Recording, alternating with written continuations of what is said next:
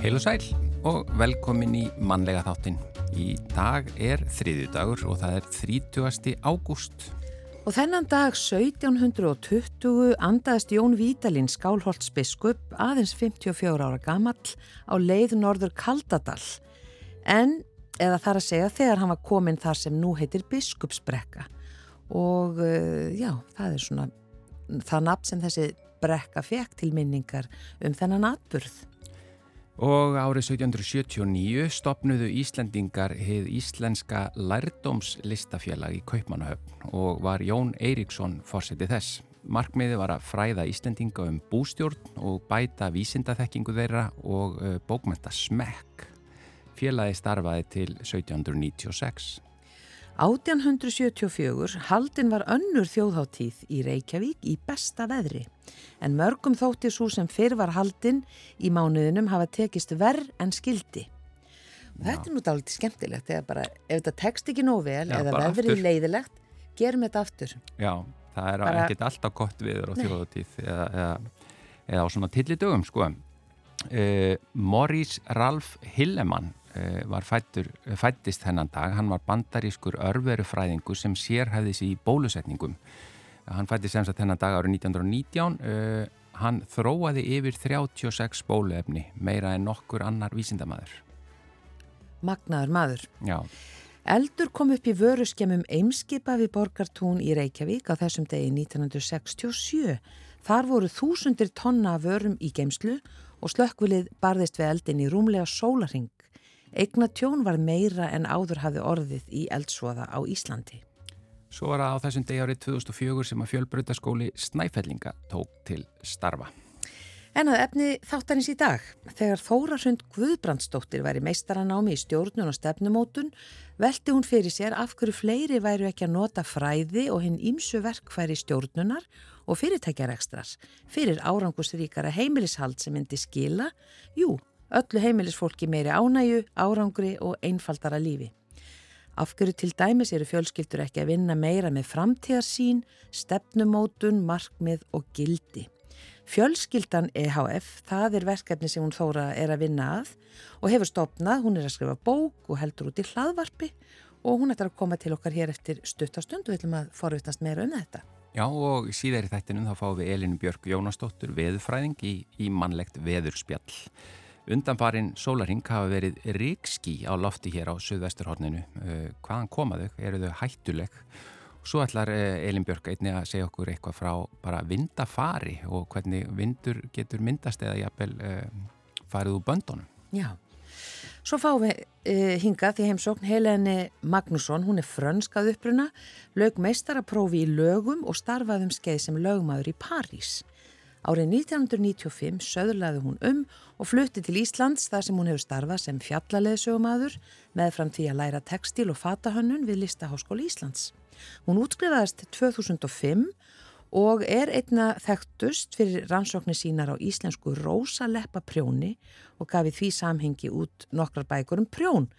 E, eins og til dæmis þessa bón, rósaleppa prjón í nýju ljósi sem nú er fáanlega á þremur tungumálum. Við ætlum að spjalla við hann Heleni hér á eftir. Já og svo ætlum við að benda á það að á fymtudaginn uh, fer uh, sérfræðingurinn aftur í loftið hjá okkur í mannlega þættinum.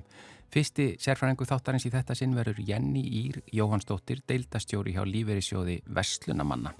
Nú geta hlustendur nýtt sér það að hafa sérfræðing í lífeyrismálum og geta sendt henni spurningar sem brenna á þeim. Þetta snertir okkur öll en það er ekki víst að við höfum eða vitum öll nógu mikið um lífeyrismál, spurningar til dæmis tengdar skattamálum og lífeyri erðamál og lífeyri, viðbúta lífeyri sparnaði, nýtingu á lífeyri og fleira og fleira. Bara ef þið hafið spurningar tengdar lífeyrismálum þá endilega notiði tækifærið og sendi þær til okkar á mannlegi hjá rú.is og fyndu mun eh, Jenny Ír gera sitt besta til að svara þeim. Já, mannlegi hjá rúf.is en við byrjum á tónlist, það er hljómsettin Valdimar sem flytur hér lagið Lítið og Væmið. Bara ef myndi þóra að tala opinskátt við þig Ef ég væri aðeins stærri Ef ég fengi einhvern byr Í seglinn sem liggja og gera ekki neitt Þessi skipstjóri er huglaus, getur engum bröðum beitt. En ég vona að þú sjáir eitthvað merkilegt við mig. Því að ég sé eitthvað einstaklega heitlandi við þig. Og ég vona að þú látir það í ljós ef svo er. Því að þessi litli strákur lætur býða eftir sér. Þetta er bara eitthvað lítið og væmið fyrir þig Þetta er bara eitthvað lítið og væmið fyrir þig Þetta er bara eitthvað lítið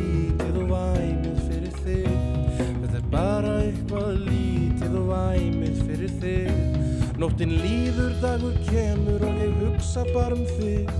Þessi tálsinn mínum okkur en mitt besta hugar spil. Ef ég þyrði bara að segja hvað býr í brjósti mér? En ég læt það duga þeia og hörfa inn í mína sker. Kurteist hjál og um að brandara ég get þó bóðið þér. Á móti fæ ég væna þóknum sem þinn hlátur er. En ekki ekki þetta sinn. Og þú þakkar fyrir spjallið og kissin mig á kinn. Þetta er bara eitthvað lítið og væmið fyrir þig. Þetta er bara eitthvað lítið og væmið fyrir þig. Þetta er bara eitthvað lítið og væmið fyrir þig. Þetta er bara eitthvað lítið og væmið fyrir þig. Þetta er bara eitthvað lítið og væmið fyrir þig Þetta er bara eitthvað lítið og væmið fyrir þig. Þetta er bara eitthvað lítið og væmið fyrir þig. Þetta er bara eitthvað lítið og væmið fyrir þig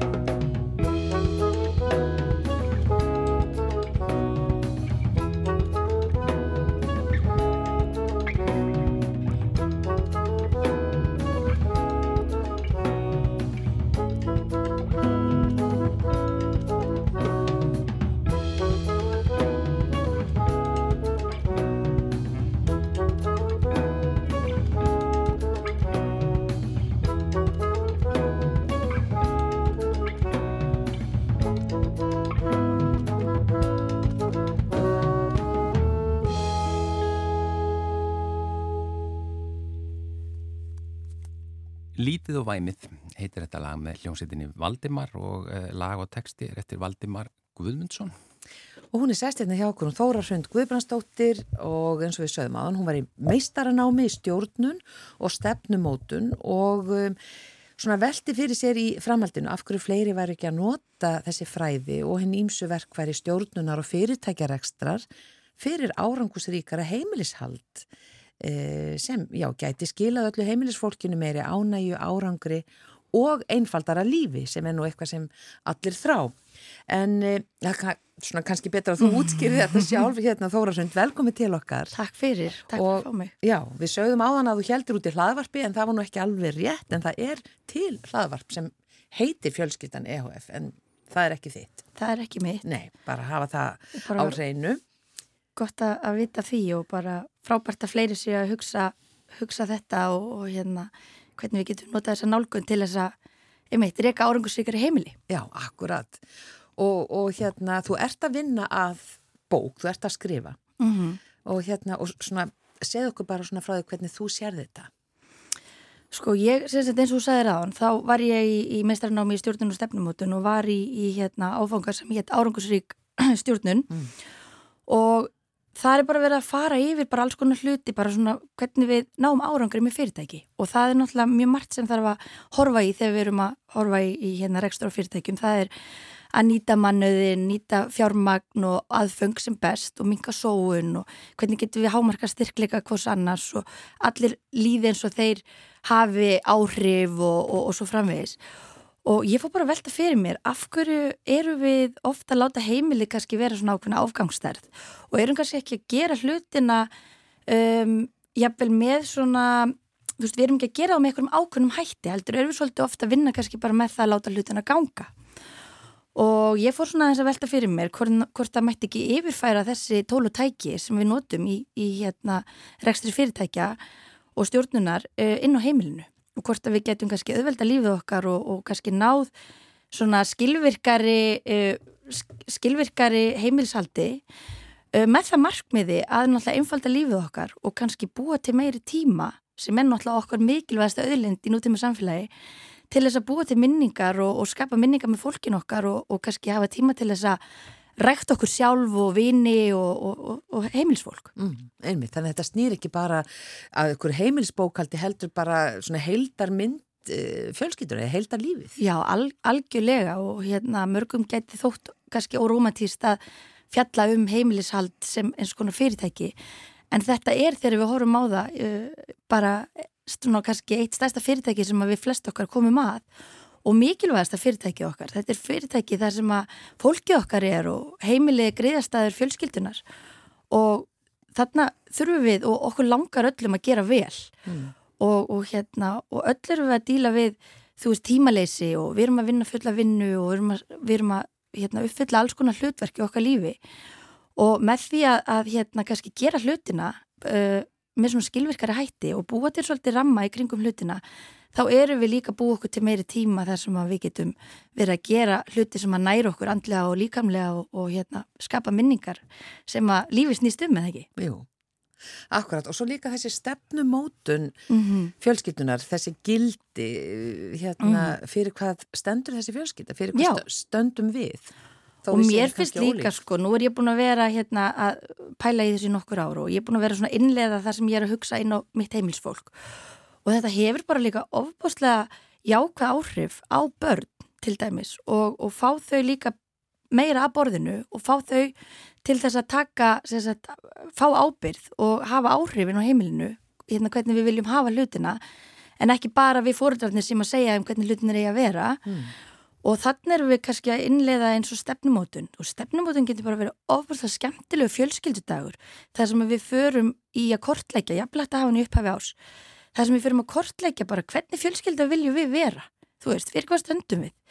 Og við tölum ekki yllum annað fólk og við hérna erum kurteis og, og svo framvegs og svo erum við líka kannski að kortleika þú veist, hver eru gildin okkar veist, þessi, einmitt, þessi hluti sem við viljum standa fyrir og láta endur speglast í því hvernig fjölskylda við erum útaf við og inn á við.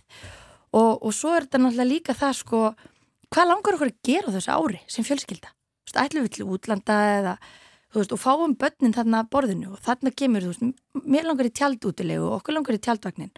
Okkur frábært, hvernig er það að gera það? Og þá setjum við þetta nýri áskipulagið og segjum mér því, við viljum að fara inn í júli í tjaldvagnin og þá höfum við eitthvað til að laka til og það er svo frábært í hverstasleikanum að hafa alltaf eitthvað til að laka til mm. og svona fjölskyldan sé svona með kannski ákveðna stefnu og, og hérna og sín sem að svona hildræna sem að hérna við erum öll að vinna í takt og sem teimi því að hvað eru annað en teimi? Akkurat bara, já, því ég er að hugsa núna alveg á fullu að bera saman fyrirtækjarekstur og, og fjölskylda því að auðvitað eru rosalega margt sem að svona eru svona samsvarandi mm -hmm. liðar sko, Algjörlega. en ég meina hversu langt næri þetta, eru, eru hlutir í fyrirtækjarekstur sem að já þetta á bara alls ekki við hérna, og, eða er, er þetta bara nokkuð breytt yfir hægt að taka Sko ég er hérna, eins og ég segja, að skrifa þessa bók og mér finnst bara því meira sem að ég velti þessu fyrir mér, þá má yfirfæra flest allt gott í fyrirtækjarekstri og stjórnun yfir á heimilin, þú veist, ef við skoðum til dæmis bara fórustu, þú veist, byrjum þar, hérna að því að öll fyrirtæki þurfa góða stjórnendur og eins heimili, þú veist, við erum fórustan á heimilinu og þar til dæmis er ég mjög hrifin af, af hugdækir sem heitir þjónandi fórusta.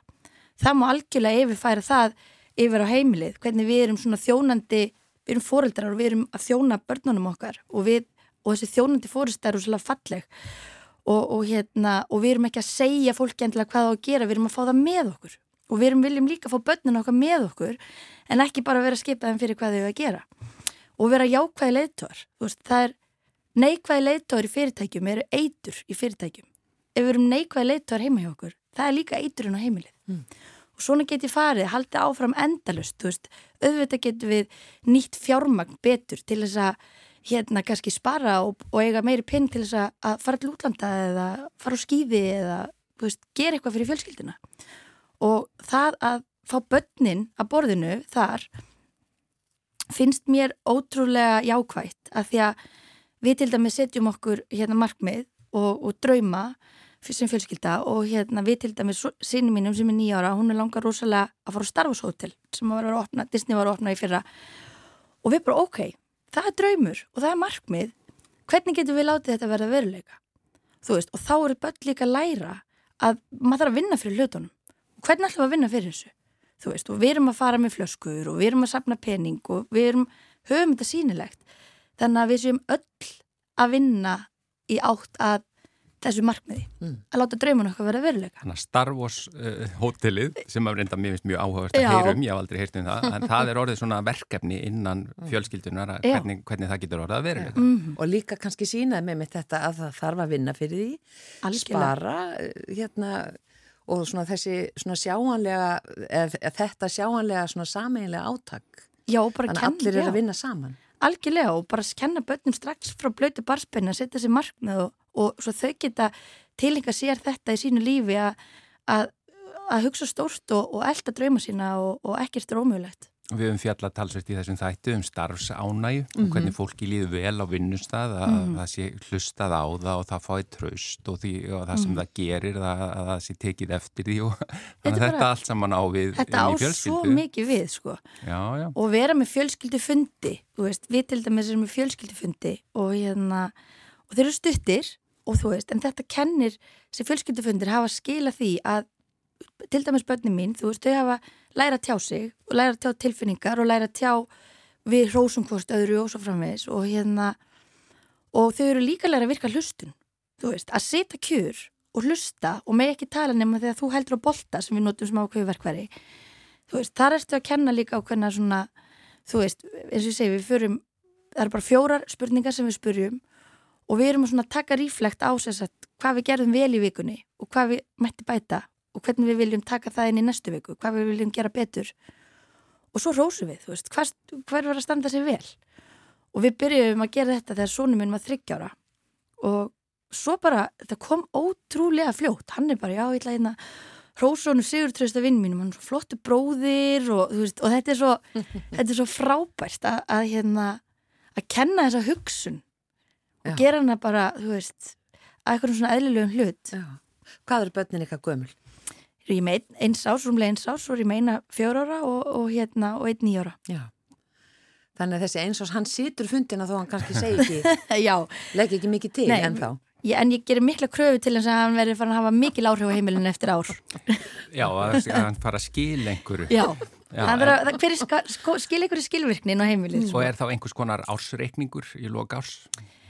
Herðu, já. Eða skýsla? Sko, sko, ég er ekki að segja sko, ég er í raun móðir þryggja batna í leit að hinnu fullkomnu jafnvægi og milli allra þeirra hlutverkar sem ég gegni í lífinu og ég er að, þú veist, er eilíft að sko þessi, þessi bók og þessi vekkferð sem ég er í er í raun sko mín vekkferð að ná utanum þetta allt og ég er svo langt frá því að vera fullkominn þarna og, og hérna og er alltaf að reyna að finna eitthvað skilvirkari leiðir hvernig ég geti náð bæði árangri uh, bara í lífinu og, og hérna með þessi þennan fjarsjó sem ég á heima við og hérna og er svona, já, hvernig ég get svona gert þetta með sem, sem skilvirkasta hætti mm. Akkurat, þú sagði mér að þú væri að skrifa þessa bók og væri búin að, væri búin að vera að leita að svona einhverju eða einhverju fyrirmynd að þú hefur ekki fundið neitt eh, eða neinn skrif Nei. í þessa átt?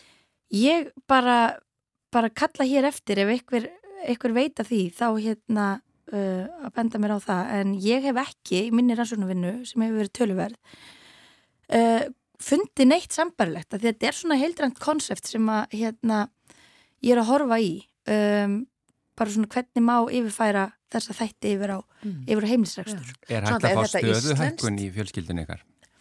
Herði, það er góð, það er eitthvað sem ég hef ekki pælt í. Já, sko, Hva, hvað þýðir það að fá stöðu hækkun líka? Já. Þetta börnin orðið yfirmenn. En hvernig heldur að bókin komið út þóra hrund? Herðu, uh, það er góð spurning. Ég hérna var núna að stopna sem sagt uh, miðil sem heitir Fjölskyldan EHF á Instagram og Facebook þar sem að átti að vera svona ákveð sparki rassin á mér til þess að stíga þessi loka skref og klára þetta af því að hérna, þetta er mikið ástriðuverkefni fyrir mér og hérna og mér langar að láta þetta verða veruleika.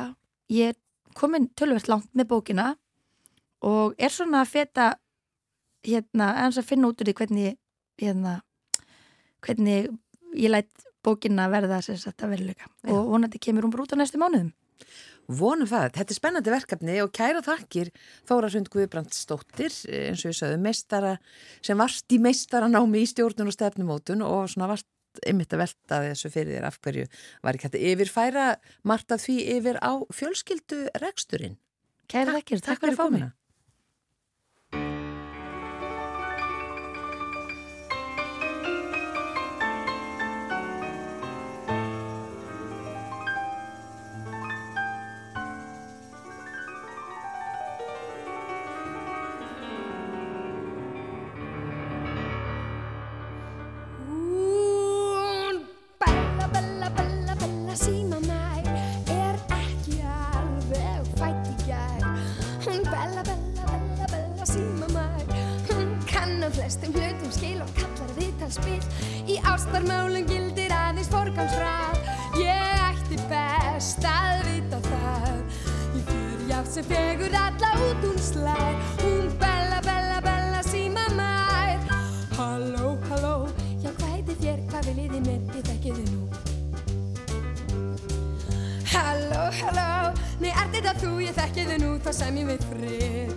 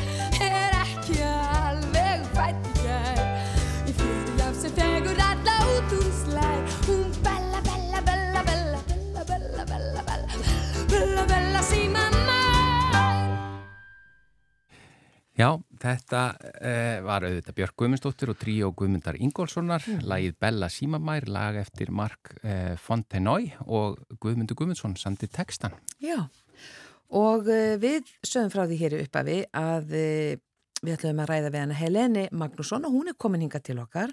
Hún er franskað uppruna, lög meistaraprófi í lögum og starfaðum skeið sem lögmaður í París og árið 1995 sögðulega hún um og flutti til Íslands þar sem hún hefur starfað sem fjallaleðsögumadur meðfram því að læra tekstil og fatahönnun við Listaháskóla Íslands útskafaðist 2005 og er einnig þekktust fyrir rannsóknir sínar og íslensku Rósaleppa prjóni og uh, bók hennar umst það hefur komið út á þremur tungumálum og Helena, þú ert nýkomi núna úr prjóna gönguferð. Uh, já, ég var ennvitt uh, að koma úr göngu og prjónaferð uh, yfir fimm ára hals og þar sem við vorum ennmitt að fræða um rosleipa prjón. Uh, þannig mér finnst þetta bara, þessi þema passar bara vel við svona erfiðu göngu. Já. Þannig að uh, svona ferðir eru að blenda bæði svona menning og prjón og göngu mm.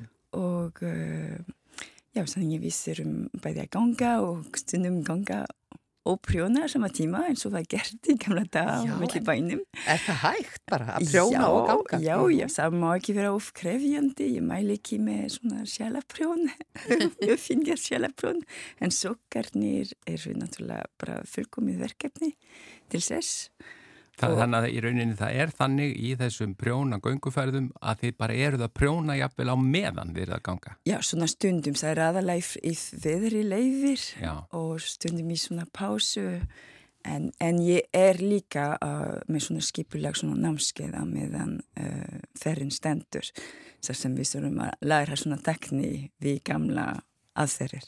Já í skjólum.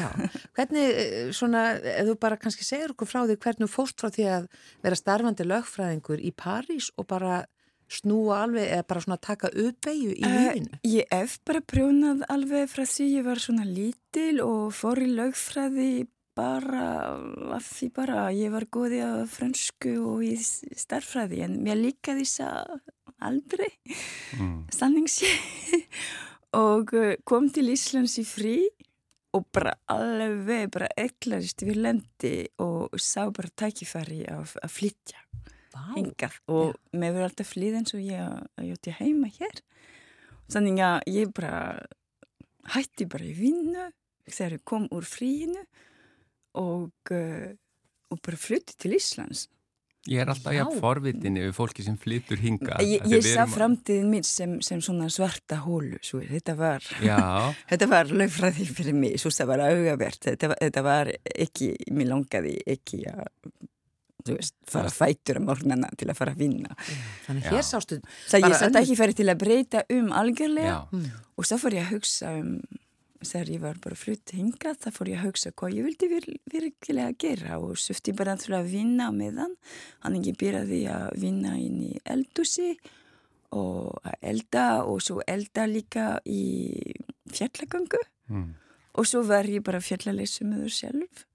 Og svo fór ég að læra eins og svo varst að segja bara og mér fannst alltaf gaman að prjóna þannig að ég var er hægt að gera aðeins meira með prjón og svona, mann byrjaði svona aftur að læra svona tekstil og það kom aldrei til greina að vera að vinna með svona lögfræði hér á Íslandi. Maður ger ekki sama mistök tvísvað, maður svolítið að læra. Og uh, já sannig að og svo uh, ég byrjaði með þess að gunguprönuferðir í 2010 og það er nú veru, var ég bara að blanda saman, svo sem ég fannst gaman bara ganga upp fjöll og prjóna og líka ég, það er náttúrulega turista, turistar er náttúrulega búin að flöka svo rosalega mikið Já.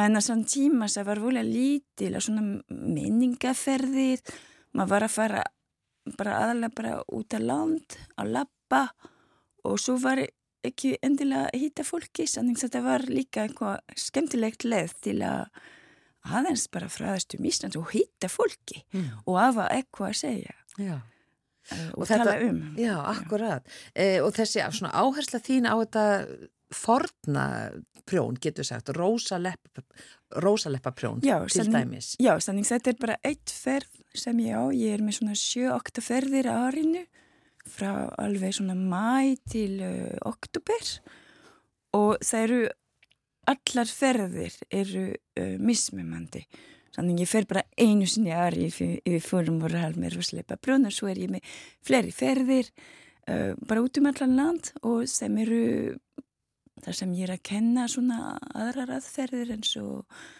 uh, sjalabrún frá vestfjörðum eða um, vellingabrjón og svo er lúpabissabrjón náttúrulega líka svolítið vinsæl já, ég verð ekki leið sjálf er, Erstu meir og minna Heldur. í íslenskum prjónahefðum eða erstu já, að koma líka a... með frá Fraklandi? Eða? Nei, ég ákvaði að einbytta mér algjörlega bara á íslensku prjónahefð mest bara rosalega rík prjónahefð sem er eins og lífandi handverk á Íslandi sem er ekki endilega jöður um löndum mm.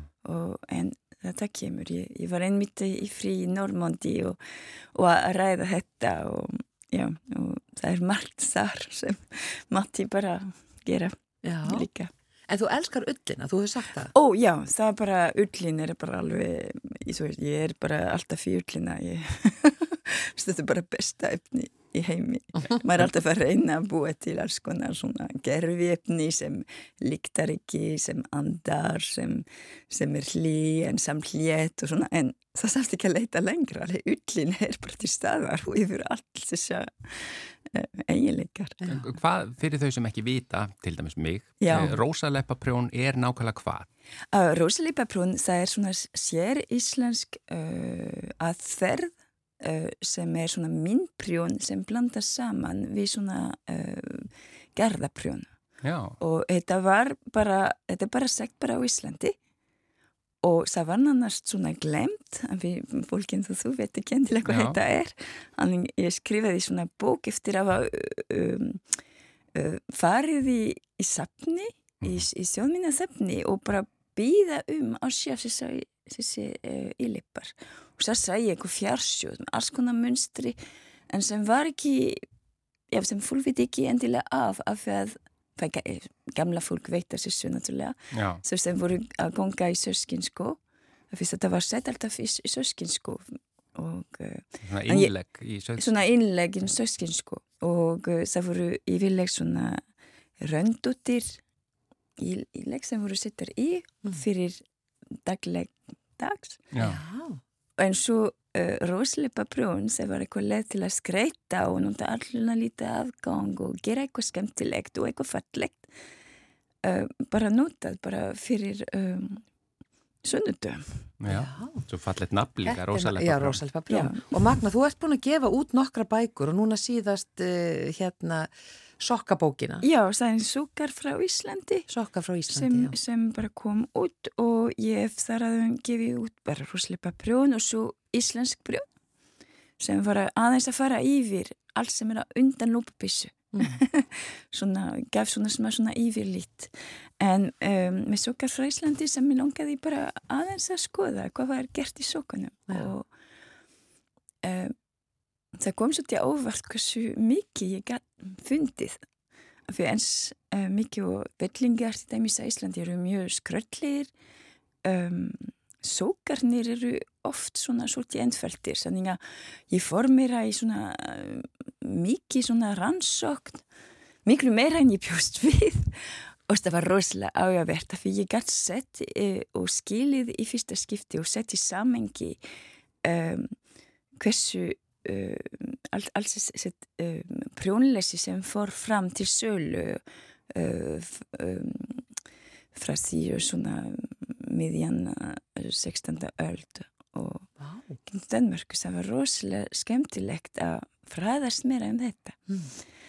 og uh, já Já, þetta er alveg magnað og bara takk fyrir að Já. hérna standa í þessu og hérna og, og hérna og koma þessu öllu heim og saman bækur. markmið er, er að reyna að undurvekja svona gamla hefð og svo það týnist ekki Akkurat en samt ekki, að, ekki eins og voru bara líka að gera, reyna að gera eitthvað nýtt Mm. úr þeim, svo heldur affram þetta að þróa affram Já, Já. Akkurat. Og það er þetta að finna að þú ert með síðu sem heitir prjónakerling.is Já, einmitt. Og þar er þetta að sjá um ferðirnar og, og jafnvel bókasíferðir Já, bók, bókarnir og svona prjónar uppskriftir og svo gart líka fyrir ég er að framleysla mín eigin gart úr uh, íslenska lámsull og einmitt, og þetta prjónaferðirnar En og- mitt til að styðja og ullin er einmitt þar til að styðja við til dæmis gamla sjálfaprjón svona búin að fingja eða til að styðja með sókaprjón en ég bjóð til bánd bara til þess einfallega Magnað, alveg reynd. Kæra þakkir Helene Magnússon fyrir þetta og þið sem viljið vita meira, prjónakerling.is. Takk fyrir Takk komuna. fyrir komuna.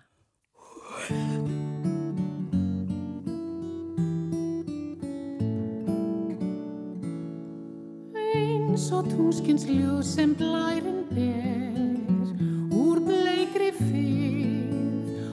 vangum sér. Líður mér um svefnin hægt og hljótt Þín hvíta mynd um svarta nótt. Kanski var það draumur sem ég gat ekki gleimt En eitt er víst að síðan er í hjarta mínu reynd Dvelst mér bak við hljóð og horfin ár. Við kvítan seið og dökkar brár. Og hendi það mig aftur að horfi í augun blá. Ég heiti því að standast aldrei framar töfra þá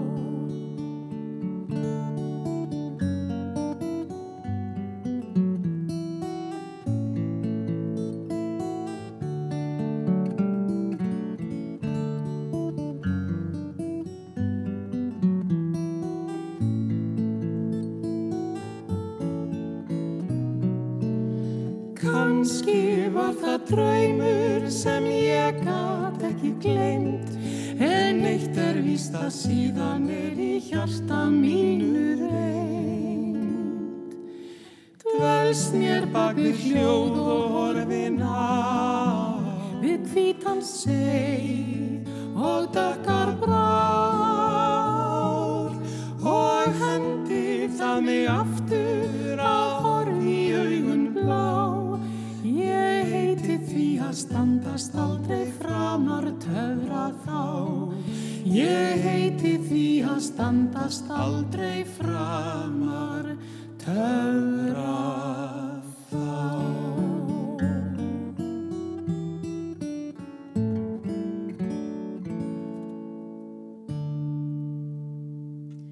Kristjana Stefánsdóttir og Svavar Knútur sungu þarna lagið. Þín kvítamynd lagið eftir sig Fús Haldósson og Tómas Guimundsson samt í ljóðið.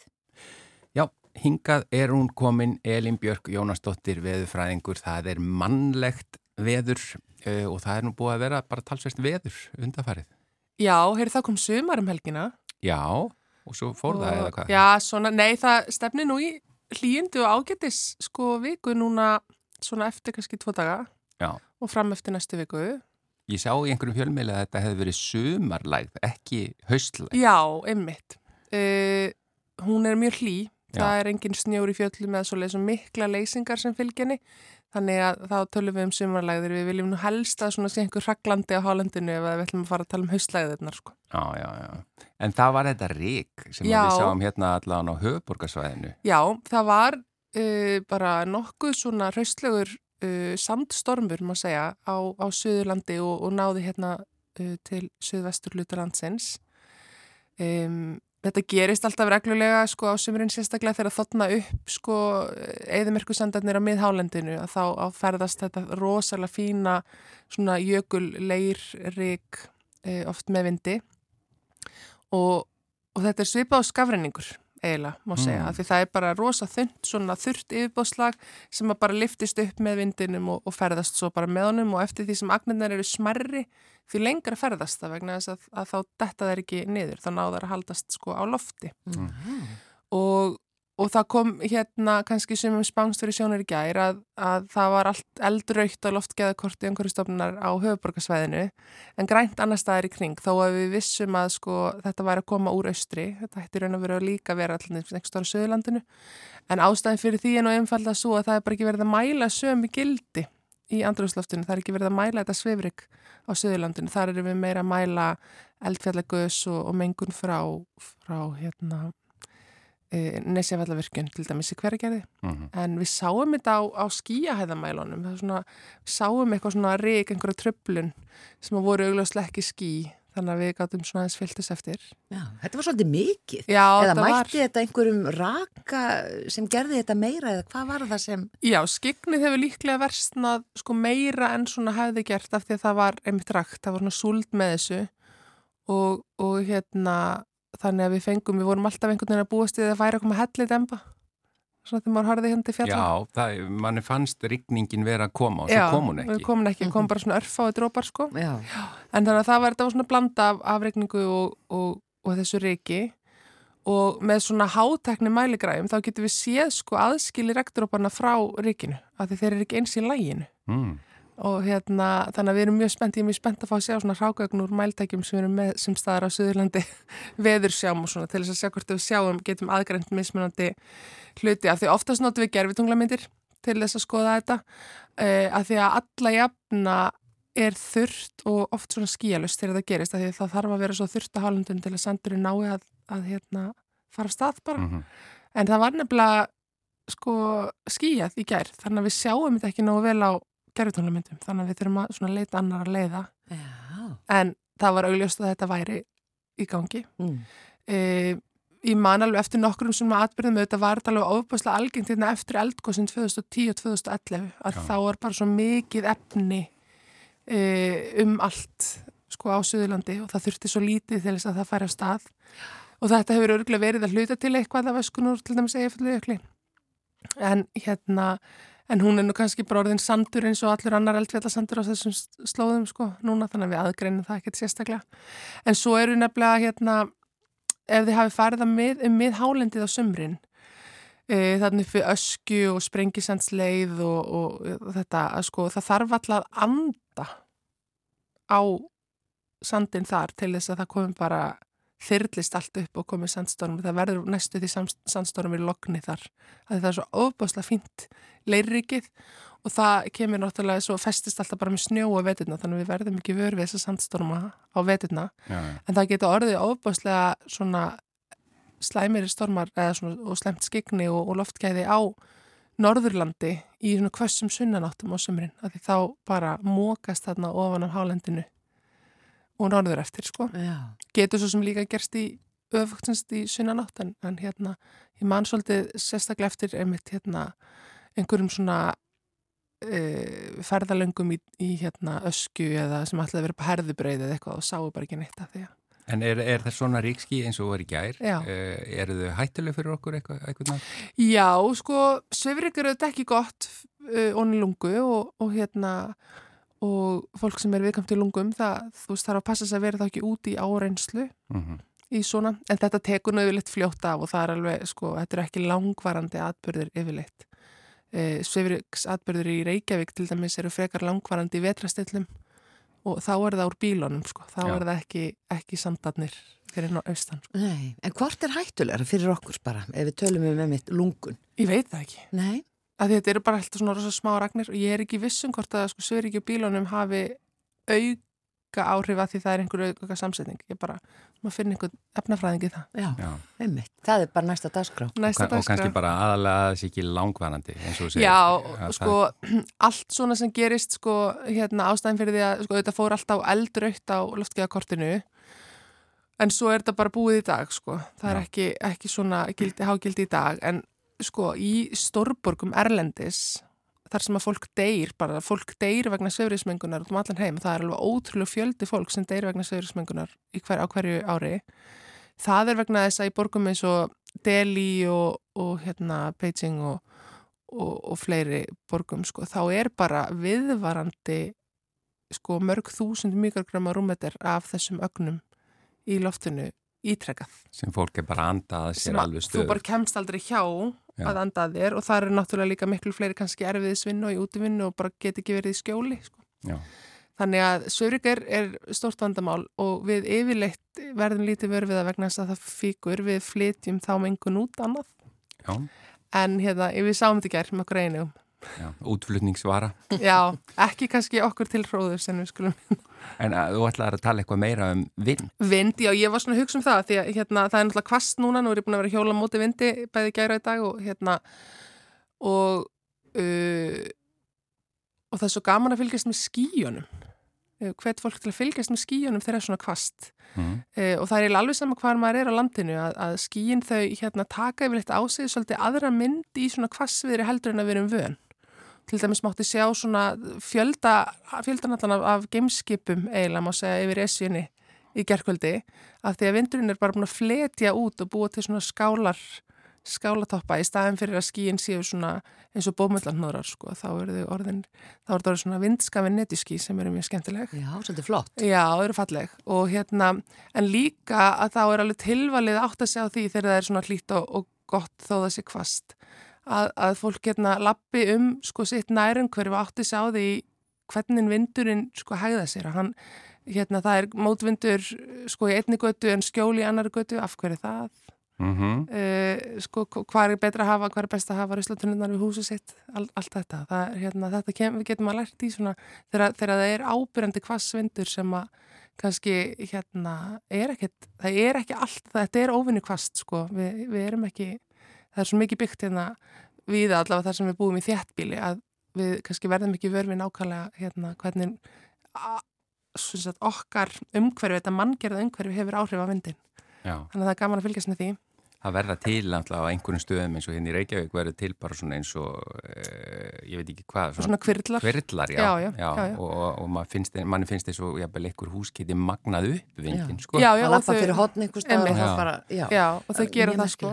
Og svo líka lappa maður kannski svona bara á móti vindi alveg einhvern veginn viðbúin að takast á í vindin og svo kemur maður fyrir eitthvað hotn og þá bara dettur allt í dúnalokn og næstu því dettur fram fyrir sig, sko. Að þegar maður er svo vanir og ég er alin upp, sko, að hérna er bara mjög kvast alltaf og eða svona yfirleitt og maður lærir einhvern veginn bara að hérna ganga í svona alltaf með vindin einhvern veginn í, í andlitið. Ganga á hlið? Já, er mjög, ég er mjög óvöndið og var mjög óvöndið að, að hérna flytja sér náður aðkvæðinu mentaskóla og þar var breyla alltaf lokn og ég var bara hvað er að gerast hér? Þetta er allt sem var mjög fyrðilegt.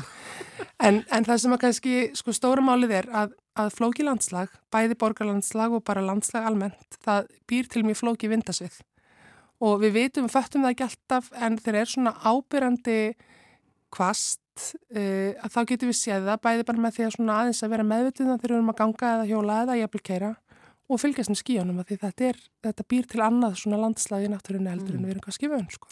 Gætu við já, teki meira tillit til veðust þegar við erum að hanna byggingar og ákveða hvar það er að vera og hvernig það er að snúa á hana? Já, það er tildulega nýlegt að, að borgarskipulega arkitektar taki í raunverulega mið, mið af því hvernig sko byggingarnar sem þau eru að hanna breyti vindafari uh, og það má gerðan gera, gera meira því að því ég hugsaði þessi hægt að hanna til dæmis göng og hjóluleiðir betur þannig að fólk sé oftar í meira skjóli heldur en heldur en einhver staðar alltaf utan um hverfin þannig að maður sé alltaf, þú veist, þú ert að fara eina leið þá ertu svona við ströndina og aðra leið kannski hinum megin einhvern veginn við hverfin og færði aldrei að fara inn til þess að njóta skjólsins. Það er eitthvað sem maður má gerðan hugsa um. Já. Er, er haft samband við ykkur, veðurfræðinga?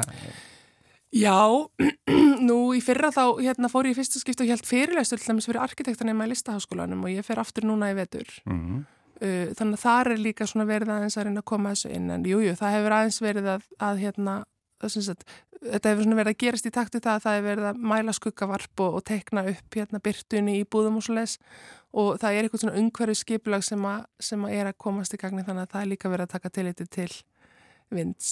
Ég, en, ég bjóð svo lengi í Vesturbænum og, og út á Granda já. og svo flutti ég í hlýðarnar þá var bara, ég mitt skildi ekki bara ha, hvað er þetta? Þetta er logg ég bara þekkti það alltaf Ná, einmitt, einmitt.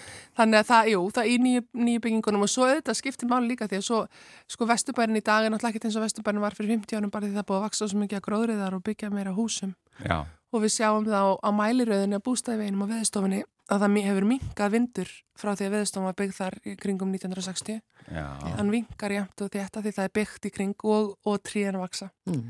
þannig að það hefur mikil áhrif á vindafarið Bara fleiri tríatakk, er það Já. ekki bara niðurstaðan? Jú, skjólvekir skjölvekir og mitt hús og svo verður að passa að byggja húsin ekki of þraung heldur af því þá, þá bara myndast svona eins og ströymhörð á í gegnum portin sko þannig að þú veist við viljum hafa húsin þannig að þau myndi skjól en ekki of þétt Nei, akkurat. mm -hmm. Þannig að það, svona, við gætum farið varlegar í þéttingu byggðar.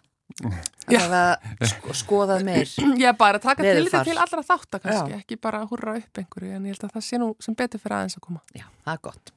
Já, uh, Elin Björk Jónasdóttir þakkar kærlega fyrir að koma í mannlegt veðurspjall Takk sem leiðis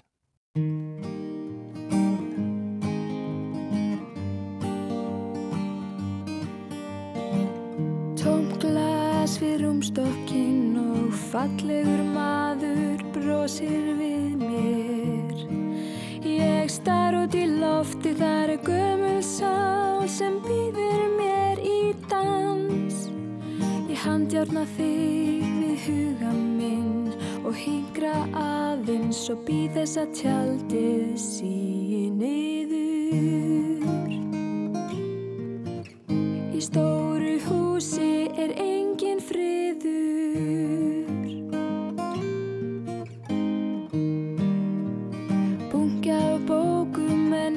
hillurnar þar voru seldar. Brotin flaska á gólfinu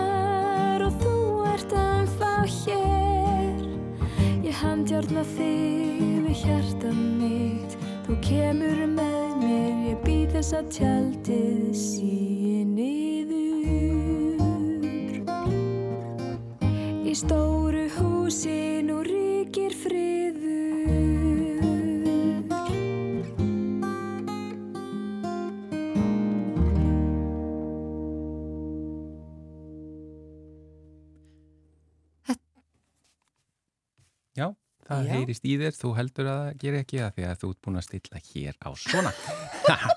svona erum við góð í tæknin átt. Guðrún held að heyrist ekki í henni. Nei, það hefði óvart ítt á taka. Já, Mjút, jájá, en já, þetta var hún Hildurvala, söng svo fallega hér lag sem heitir Í stóru húsi eftir uh, Dóra Gilva, Haldur Gilvason leikara. Já. Við minnum aftur á, eh, á fymtudaginni fyrsti sérfræðingur uh, þáttarins í, segja, í vetur eða í haust. Það er hún Jenny Ír Jóhansdóttir, deildastjóri á lífeyrissjóði Vestlunamanna ef þið hafið einhverjar spurningar sem viðkoma lífeyrismálum.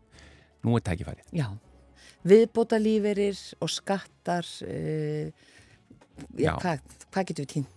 Já, ef til. ég tala allan fyrir minn, mína parta þá veit ég voða lítið um lífeyrismála á að vita miklu meira Hmm. þannig að ég það vakna margar spurningar hjá mér að því að, ég, að því maður vona bara að þetta sé allt í lægi Já, húsnæðaslán til dæmis og líferir. Já, þannig að endilega kastið þessum spurningum fram uh, nú er tækifæri, það er sérfræðingu sem getur svarað þeim í þættinum á fymtudaginn uh, mannlegi hjá rúf.is er netfangið Við þökkum innilega samfélgina. Í dag verðum mér aftur á morgun. Verið sæl